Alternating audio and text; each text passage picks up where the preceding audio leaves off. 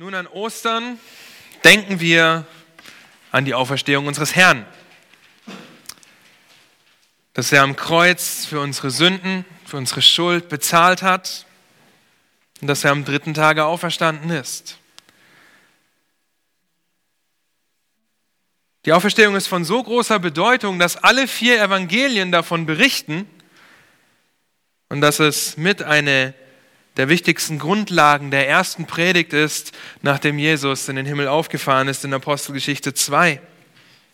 Das ist eine grundlegende Tatsache, die immer wieder bestätigt wird.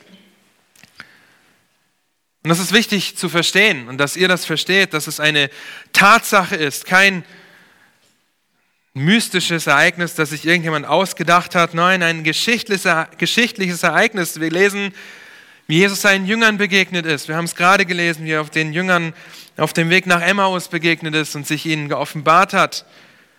Es war nicht irgendwas Kleines, Heimliches. Jesus steht schnell aus dem Grab auf, fährt in den Himmel auf und keiner kriegt es mit. Nein, er begegnet vielen. Er ist den Aposteln erschienen, er ist den Frauen erschienen, er ist 500 weiteren erschienen. Christus ist lebendig. Er ist auferstanden. Und die Auferstehung ist nicht irgendwie der tolle Abschluss einer super Geschichte, nämlich dass Jesus am Kreuz gestorben ist, sondern sie ist eigentlich der Höhepunkt dieser Geschichte, dieser Ostersonntag, weil es zeigt, dass Christus gehorsam war bis zum Tod am Kreuz, weil es zeigt, dass er den Zorn des Vaters ganz gestillt hat. Und so ist die Auferstehung, und das lest ihr auch immer wieder im Neuen Testament, mit ein Zentrum ein zentrales Ereignis, ein wichtiges Ereignis des Evangeliums. Ich meine, allein die Frage, wann wir uns zum Gottesdienst treffen. Treffen wir uns freitags? Den letzten Freitag haben wir uns getroffen, weil Karfreitag war, aber in der Regel treffen wir uns nicht freitags, an dem Tag, an dem der Herr gestorben ist, sondern sonntags, an dem, an dem er auferstanden ist. Jedes Mal, wenn wir sonntags zusammenkommen, bezeugen wir und verkündigen wir, dass der Herr auferstanden ist. Das heißt, die Auferstehung ist so grundlegend für das Evangelium, für die gute Botschaft. Und genau deshalb wird sie auch seit jeher angegriffen. Satan unternimmt alles Mögliche, um von der Tatsache der Auferstehung abzulenken. Es wird alles erdenklich Mögliche getan, um das zu leugnen, aber nicht nur um das zu leugnen, sondern auch um das im Keim zu ersticken, ja, wenn ihr letzte Woche mit Arbeitskollegen oder so im Gespräch wart und gefragt habt, was sie an Ostern machen, dann hört ihr vielleicht, ja, ich suche Ostereier mit den Kindern im Garten. Aber was an Ostern eigentlich passiert ist, das wissen heute nicht mehr so viele. Es wird alles daran gesetzt, die Wahrheit der Auferstehung zu leugnen, zu untergraben biblische Berichte nicht als wahr hinzustellen, historische Fakten einfach unter den Teppich zu kehren, nämlich dass wir so viele Berichte davon haben, so viele Zeugen. Und wenn es gelingt, die Auferstehung als unwahr zu beweisen, dann ist das Christentum am Ende. Dann können wir einpacken und nach Hause gehen. Paulus schreibt das im Brief an die Korinther sehr deutlich. Ich möchte euch einige Verse vorlesen. 1. Korinther 15. Vers 12 bis 19, da heißt es, wenn aber Christus verkündigt wird, dass er aus den Toten auferstanden ist, wieso sagen denn etliche unter euch, es gäbe keine Auferstehung der Toten? Wenn es wirklich keine Auferstehung der Toten gibt, so ist auch Christus nicht auferstanden. Wenn aber Christus nicht auferstanden ist, so ist unsere Verkündigung vergeblich und vergeblich euer Glaube. Wir werden aber auch als falsche Zeugen Gottes erfunden, weil wir von Gott bezeugt haben, dass er Christus auferweckt hat, während er ihn doch nicht auferweckt hat, wenn wirklich Tote nicht auferweckt werden. Denn wenn Tote nicht auferweckt werden, so ist auch Christus nicht auferweckt worden. Ist aber Christus nicht auferweckt worden, so ist euer Glaube nichtig. So seid ihr noch in euren Sünden dann sind auch die in Christus Entschlafenen verloren. Wenn wir nur in diesem Leben auf Christus hoffen, so sind wir die elendsten unter allen Menschen. Wie wichtig ist die Auferstehung also? Was sagt Paulus hier? Sie ist extrem wichtig. Ohne die Auferstehung gibt es kein Evangelium. Ohne das Evangelium gibt es keine Erlösung. ohne die Auferstehung kein ewiges Leben. Wenn das so wäre, dann wären wir wirklich die elendsten und die verblendetsten Menschen auf diesem Planeten, in diesem Universum. Wir müssen begreifen, dass alles im Evangelium durch die Auferstehung zusammengehalten wird. Aber heute soll es nicht darum gehen, Beweise für die Auferstehung zu finden und sie als Tatsache zu untermauern.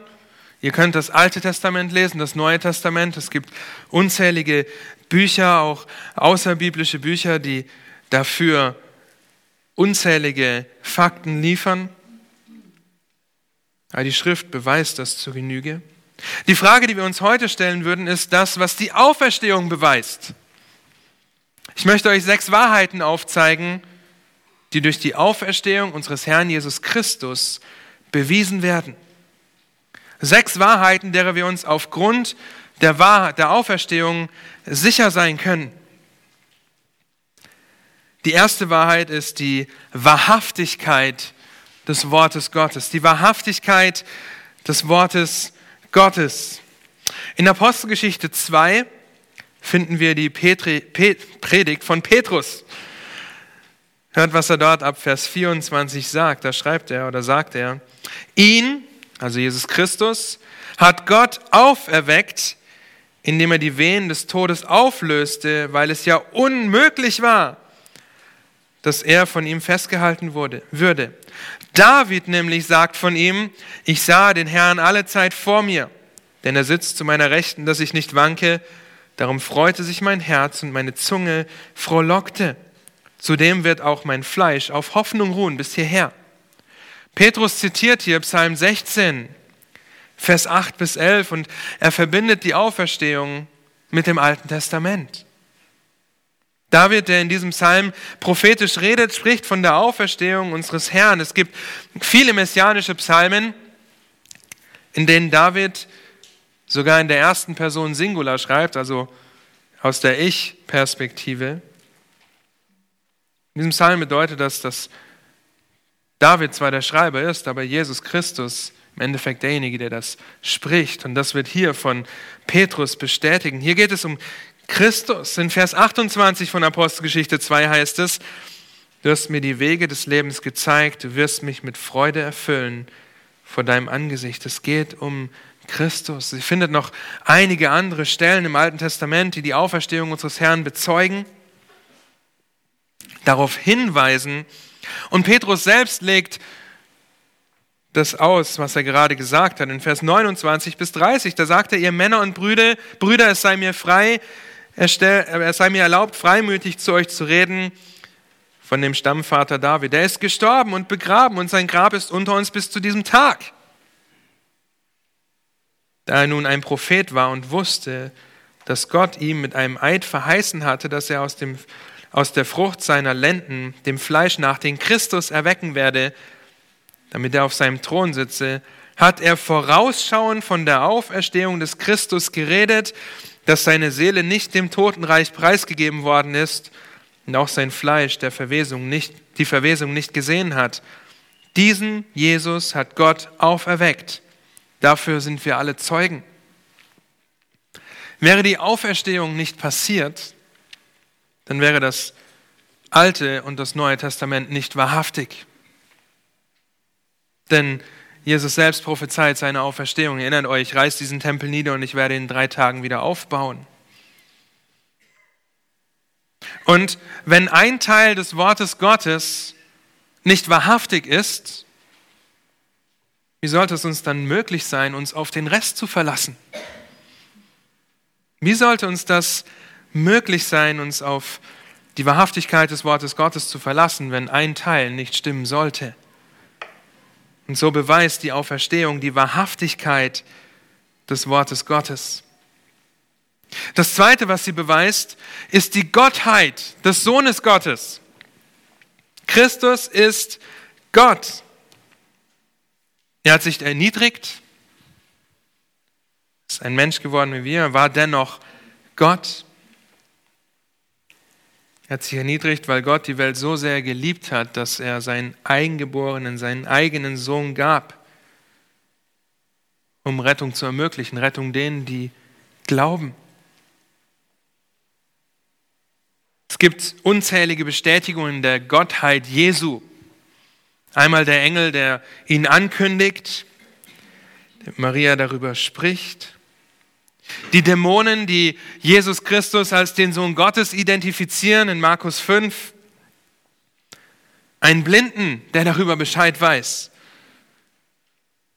Und dann nach der Auferstehung der Jünger Thomas, der vom Zweifler zum Gläubigen wird, indem er sagt, mein Herr und mein Gott. Martha, Johannes der Täufer, der römische Hauptmann, sie alle bezeugen die Gottheit Jesu. Aber die größte Bestätigung der Gottheit Jesu kommt durch Gott, den Vater selbst. Das ist mein geliebter Sohn, an dem ich wohlgefallen habe. Erinnert euch an diese Worte, die er bei der Taufe spricht, die bei der Verklärung gesagt werden. In Römer 1 haben wir ein sehr deutliches Statement von Paulus, der auf das Evangelium hinweist, der das Evangelium zusammenfasst. Ich lese Römer 1 ab Vers 1.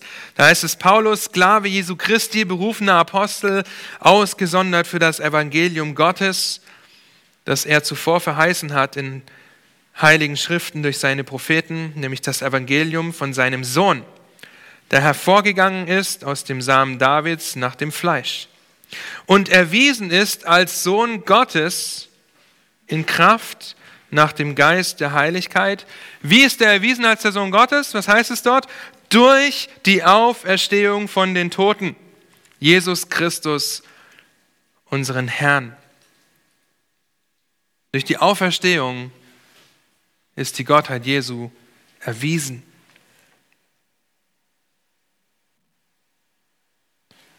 In Apostelgeschichte 2 heißt es in Vers 36, so soll nun das ganze Haus Israel mit Gewissheit erkennen, dass Gott ihn sowohl zum Herrn als auch zum Christus gemacht hat, eben diesen Jesus, den ihr gekreuzigt habt. Und das sollten sie erkennen, denn er ist auferstanden. Christus ist unser Priester, unser König und Prophet, ein Priester nach der Weise Melchisedeks, kein Anfang und kein Ende, ein König, der alles Recht hat zu herrschen und ein Prophet, der den Tod auf ewig besiegt hat und für uns einsteht. Aber das alles wäre durch die Auferstehung unmöglich. Es wäre nicht möglich, wenn Christus nicht auferstanden wäre. Er wäre wirklich nicht Gott. Die Wahrhaftigkeit der Schrift die Gottheit Jesu. Und das Dritte, was die Auferstehung beweist, ist die Vollendung der Erlösung Gottes oder Gottes Erlösungsplans. Das ist ein sehr wichtiger Punkt. Jesus ist gekommen, um die Menschen zu erretten, sein Leben zu lassen als Lösegeld für viele. Und das verstehen wir, wenn wir über das Evangelium reden. So oft bleiben wir beim Karfreitag stehen. Vielleicht geht euch das so, dass ihr bis zum Karfreitag kommt und dann die Auferstehung vielleicht als nicht so wichtig darstellt oder vergesst. Wir reden davon, dass Christus am Kreuz für unsere Sünde gestorben ist, den Zorn des Vaters gestillt hat, Sühnung erwirkt hat. Und es ist so wichtig, dass wir darüber reden, dass wir uns das vor Augen halten, dass wir aus Gnade sind, was wir sind, nicht aufgrund irgendwelcher eigenen Werke, Aber lasst uns die grundlegende Bedeutung der Auferstehung dabei nicht vergessen. Das Kreuz erfüllt unsere Gedanken mit der Realität des Leidens Christi. In einer minimalen Art und Weise können wir uns damit vielleicht sogar identifizieren, weil wir selber Leid ertragen, weil wir Schmerzen haben, weil wir das kennen weil wir davon lesen, dass Christus in allem versucht wurde, in dem auch wir geprüft und versucht werden. Und deshalb fällt es uns vielleicht leichter, ansatzweise zu verstehen, was das bedeutet. Aber es ist etwas ganz anderes, wenn wir anfangen, über die Auferstehung zu reden. Ja, denn darüber können wir nur staunen in Gottes Wort lesen, weil wir das am eigenen Leib noch nicht erfahren haben. Es ist eine Wahrheit, mit der wir uns nicht sofort identifizieren können, weil wir sie nicht so sehr erfahren wie Leid und Schmerz. Weil wir noch nicht auferstanden sind in Auferstehungsleibern, die vorbereitet sind auf die Ewigkeit. Aber wenn Christus nicht auferstanden ist, dann wäre er lediglich irgendein Superstar gewesen, der für eine Zeit lang hier gelebt hat, ein toller Mensch, ein guter Prophet, der schlaue Sprüche geklopft hat und ein paar gute Dinge getan hat. Und das sind Dinge, die wir heute hören, oder nicht? Aber schaut mal in Römer 4.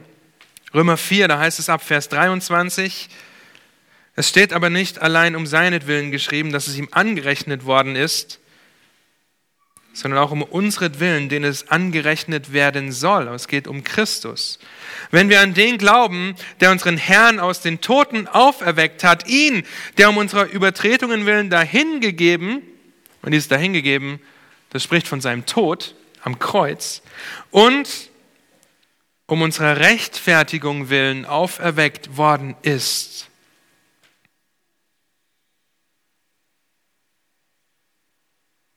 Er wurde in unserer Schuld am Kreuz getötet und ist auferstanden, auferweckt worden zu unserer Rechtfertigung. Und deshalb ist die Auferstehung so wichtig, so wichtig für das Evangelium, für Gottes Erlösungsplan. Denn die Auferstehung, die beweist die Vollendung der Erlösung. Christus ist auferstanden, um der ganzen Welt zu verkündigen, dass sein Opfer zur völligen Zufriedenheit Gottes war. Wie schon gesagt, es war kein unbemerktes Ereignis. Er ist vielen erschienen. Und wenn du heute hier sitzt und die Auferstehung Christi leugnest, dann leugnest du auch sein stellvertretendes Opfer für Sünde, weil es dann nicht ausreichend wäre. Denn alles, was wir in der Erlösung haben, alle Hoffnung, die wir haben, das haben wir aufgrund der Auferstehung. Seid euch dessen bewusst. Errettung verspricht ewiges Leben. Aber wie können wir ewiges Leben haben, wenn Jesus nicht auferstanden ist und ewiges Leben hat? Es ist unmöglich. Wenn er nicht auferstanden ist, werden wir auch nicht auferstehen. Römer 6, Vers 3 und 4 heißt es, oder wisst ihr nicht, dass wir alle, die wir in Christus hinein getauft sind, in seinen Tod getauft sind? Wir sind also mit ihm begraben worden durch die Taufe in den Tod, damit gleich wie Christus durch die Herrlichkeit des Vaters aus den Toten auferweckt worden ist, so auch wir in einem neuen Leben wandeln. Die Auferstehung Jesu wird direkt mit unserem Leben in der Heiligung verknüpft. Das ist die Vollendung der Erlösung. die Wahrhaftigkeit der Schrift, die Gottheit Jesu, die Vollendung der Erlösung. Die alle werden durch die Auferstehung bewiesen. Ihr merkt schon, wir gehen heute schneller durch die einzelnen Punkte. Wir wollen uns darauf kurz und prägnant konzentrieren. Als viertes beweist die Auferstehung die Verankerung der Gemeinde Gottes. Ich erkläre euch gleich, was ich damit meine. Die Verankerung der Gemeinde Gottes. In Matthäus 16, Vers 18 sagt Jesus, du bist Petrus, ihr kennt diesen Vers, und auf diesem Felsen will ich meine Gemeinde bauen und die Pforten des Totenreiches sollen sie nicht überwältigen. Der Vers wird häufig verdreht und Petrus war der erste Papst, so wird es häufig gesagt. ja, nein.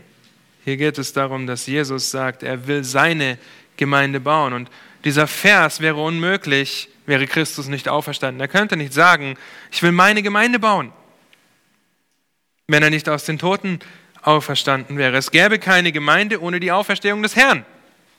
Ja, wir würden uns nicht versammeln, wenn unser Herr nicht auferstanden wäre. Was haben die Jünger gemacht, nachdem er gestorben ist? Sie haben sich verbarrikadiert. Sie haben sich eingesperrt, haben sich gefürchtet.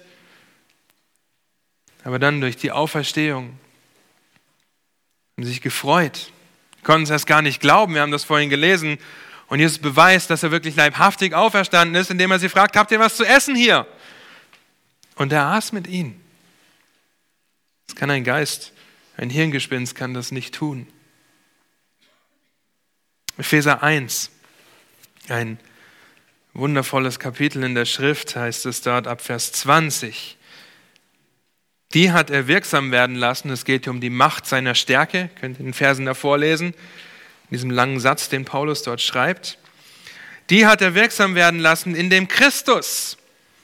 Zwar wann?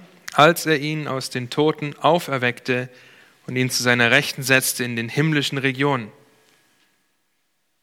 Und wisst ihr, wenn ihr die Verse davor lest, dann wirkt diese Macht auch in uns und es sollte uns ermutigen. Aber es geht noch weiter. Er hat ihn auferweckt und zu seiner Rechten gesetzt in den himmlischen Regionen, hoch über jedes Fürstentum und jede Gewalt, Macht und Herrschaft und jeden Namen, der genannt wird. Nicht allein zu dieser Weltzeit, sondern auch in der zukünftigen. Und er hat alles seinen Füßen unterworfen. Was bedeutet das griechische Wort alles? Es bedeutet alles. Okay, da ist keine Ausnahme, da ist nichts, was seinen Füßen nicht unterworfen ist. Es geht noch weiter. Wir reden über die Verankerung der Gemeinde. Alles seinen Füßen unterworfen und ihn, Jesus Christus, als Haupt über alles der Gemeinde gegeben, die sein Leib ist, die Fülle dessen, der alles in allen erfüllt. Und mit diesen Versen bestätigt Paulus, bestätigt Gott selbst, der durch Paulus sein Wort schreibt, dass es nur durch die Auferstehung Jesu Christi möglich ist, dass ihm erstens alles unterworfen wird, das wäre nicht möglich, wenn er tot wäre, und dass er zweitens das Haupt der Gemeinde überhaupt sein kann. Deshalb wird in Christus die Gemeinde, sein Leib, verankert. Ohne die Auferstehung wäre das unmöglich. Er verankert die Gemeinde Gottes in dem Haupt, in dem auferstandenen Herrn. Die fünfte Wahrheit, die durch die Auferstehung bewiesen wird, und die ist sehr wichtig, ist die Unumgänglichkeit des Gerichtes Gottes. Die Unumgänglichkeit des Gerichtes Gottes. In Johannes 5 heißt es, denn der Vater richtet niemand, sondern alles Gericht hat er dem Sohn übergeben. Und wäre der Sohn nicht auferstanden, dann wäre das Gericht hinfällig. Alles Gericht dem Sohn übergeben, damit alle den Sohn ehren, wie sie den Vater ehren. Wer den Sohn nicht ehrt, der ehrt den Vater nicht, der ihn gesandt hat. Dann Vers 24. Wahrlich, wahrlich, ich sage euch, wer mein Wort hört und dem glaubt, der mich gesandt hat, der hat ewiges Leben und kommt nicht ins Gericht, sondern er ist vom Tod zum Leben hindurchgedrungen. Dann Vers 28 heißt es, verwundert euch nicht darüber, denn es kommt die Stunde, in der alle, die in den Gräbern sind, die Stimme hören werden und sie werden hervorgehen, die das Gute getan haben zur Auferstehung des Lebens, die aber das Böse getan haben zur Auferstehung des Gerichts. Wäre Christus nicht auferstanden, gäbe es kein Gericht weil wir keine Bestätigung dafür hätten, dass wir auch aus den Toten auferstehen. Wenn Christus nicht auferstanden wäre, wie sollen wir dann aus den Toten auferstehen? Hier geht es um das Leben nach dem Tod, das durch Christus, durch seine Auferstehung bewiesen wird. Es gibt ein Leben nach dem Tod. Und wenn du heute hier sitzt und nicht an Christus glaubst, nicht Christus erst, wie es in Johannes 5 heißt, dann gehörst du zu denen, die eines Tages zum Gericht auferstehen. Es ist unumgänglich, dass jeder Mensch, der jemals gelebt hat, eines Tages vor Gott steht und in die Ewigkeit eingeht. Das Leben nach dem Tod ist die Ewigkeit, entweder getrennt von ihm wenn du nicht an ihn glaubst oder in seiner Gegenwart, wenn du an ihn glaubst. Und die Verse, die ich euch gerade gelesen habe aus Johannes 5, jeder, der Christus nicht ehrt, gehört automatisch zu denen, die das Böse tun. Weil wir können getrennt von Gott nichts Gutes wirken. Wir sind allesamt Sünder und verfehlen die Herrlichkeit, die wir vor Gott haben sollten. Auf der einen Seite gibt es dann also diejenigen, die einen Auferstehungsleib bekommen, der auf die Hölle vorbereitet ist, und auf der anderen Seite einen, der auf den Himmel vorbereitet ist. Die Unumgänglichkeit des Gerichts. Das Gericht wird kommen. Es ist jedem Menschen gesetzt, einmal zu sterben, danach aber das Gericht. Es geht um das Leben nach dem Tod. Für welche Seite wird dein Auferstehungsleib vorbereitet sein? Die Wahrhaftigkeit der Schrift, die Gottheit Jesu, die Vollendung der Erlösung, die Verankerung der Gemeinde und die Unumgänglichkeit des Gerichts werden in der Auferstehung bewiesen, haben ihre Wirkung, wie Daniel heute Morgen auf den Zettel geschrieben hat, in der Auferstehung. Und es gibt noch so viel mehr Punkte und so viel mehr Schriftstellen, die wir uns anschauen könnten. Dafür fehlt uns aber die Zeit. Ich möchte euch noch die sechste Wahrheit zeigen. Denn die Auferstehung hat enorme Auswirkungen auf unser Leben. Und diese letzte Wahrheit ist eine Wahrheit, die jedes Kind Gottes wirklich ermutigen sollte, die uns alle vor Freude und auch Hoffnung ja strotzen lassen sollte.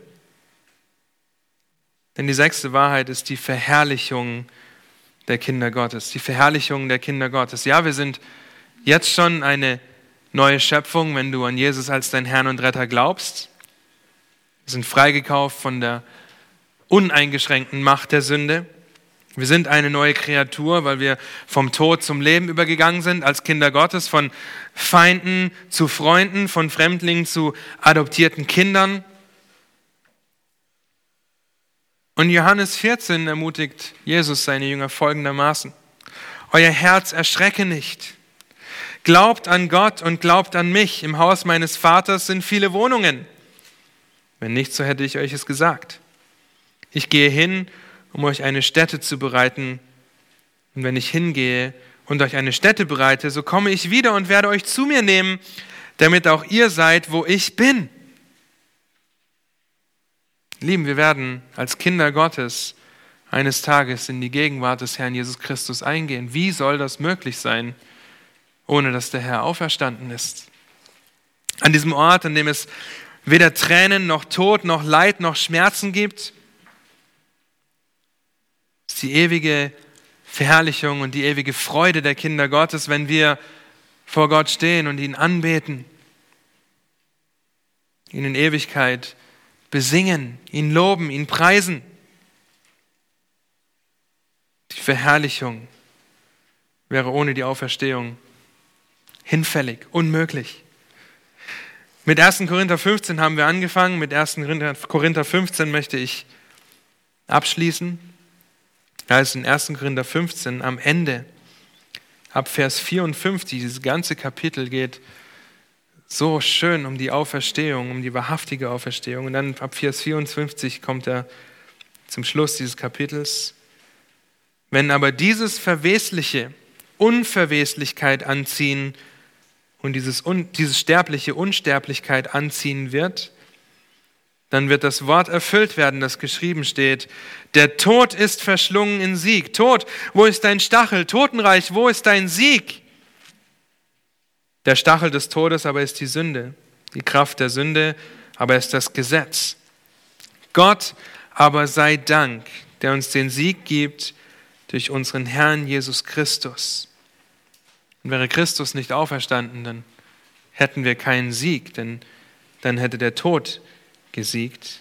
Und dann spornt er sie an und sagt, darum, meine geliebten Brüder, seid fest, unerschütterlich, nehmt immer zu in dem Werk des Herrn, weil ihr wisst, dass eure Arbeit nicht vergeblich ist im Herrn. Was steht also auf dem Spiel, wenn wir an diesen Ostersonntag denken? Wenn wir daran denken, dass Jesus auferstanden ist? Es geht um absolut alles in der Auferstehung. Wenn der Herr nicht auferstanden wäre, dann wäre die Bibel nicht wahr. Wäre die Erlösung nicht vollendet, wäre Christus nicht Gott, wäre die Gemeinde nicht verankert. Es gäbe kein Gericht. Und wir könnten leben. Und nach diesem Leben, wenn wir sterben, ist es einfach vorbei. Und wir würden nicht verherrlicht werden. Wir wären wirklich die elendsten aller Menschen, die wir das jetzt glauben. Aber die Auferstehung ist wahr. Und das zeigen uns unter anderem diese sechs Wahrheiten auf. Zur Ermutigung auf der einen Seite, zur Warnung, zur deutlichen Warnung auf der anderen Seite. Das Gericht wird kommen. Es wird ein Leben nach dem Tod geben. Und wenn du Christus noch nicht als deinen Herrn und Retter kennst, dann tue Buße. Glaube an den Herrn Jesus Christus von ganzem Herzen. Bekenne ihm deine Schuld. Das heißt nicht, dass dein Leben dann auf einmal von einem vollen Konto gesegnet ist oder nur noch von Gesundheit und Reichtum. Das wäre Quatsch. Das ist nicht das, was die Schrift uns verspricht. Das ist nicht das, was die Schrift sagt. In der Schrift geht es an keiner Stelle, im Neuen Testament vor allem hauptsächlich darum, was uns alles Gutes passieren wird, wenn wir gläubig sind, sondern dass wir eine Ewigkeitsperspektive haben, die Hoffnung gibt.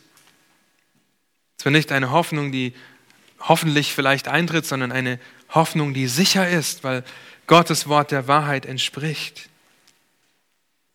Und wenn Christus dein Herr und Retter ist, dann sei unerschütterlich. Dann danke Gott, dass er bereits den Sieg in Christus gegeben hat. Und das gipfelt in seiner Auferstehung, in seiner Himmelfahrt. Und daran dürfen wir denken. Das ist die Wahrheit der Schrift untermauert, dass es die Gottheit Christi beweist, dass es die Verankerung der Gemeinde, den Plan der Erlösung vollendet, dass das Gericht unumgänglich ist, weil jeder eines Tages auferstehen wird und dass die Kinder Gottes eines Tages verherrlicht sein werden. Der Herr ist auferstanden. Amen. Lasst mich noch beten.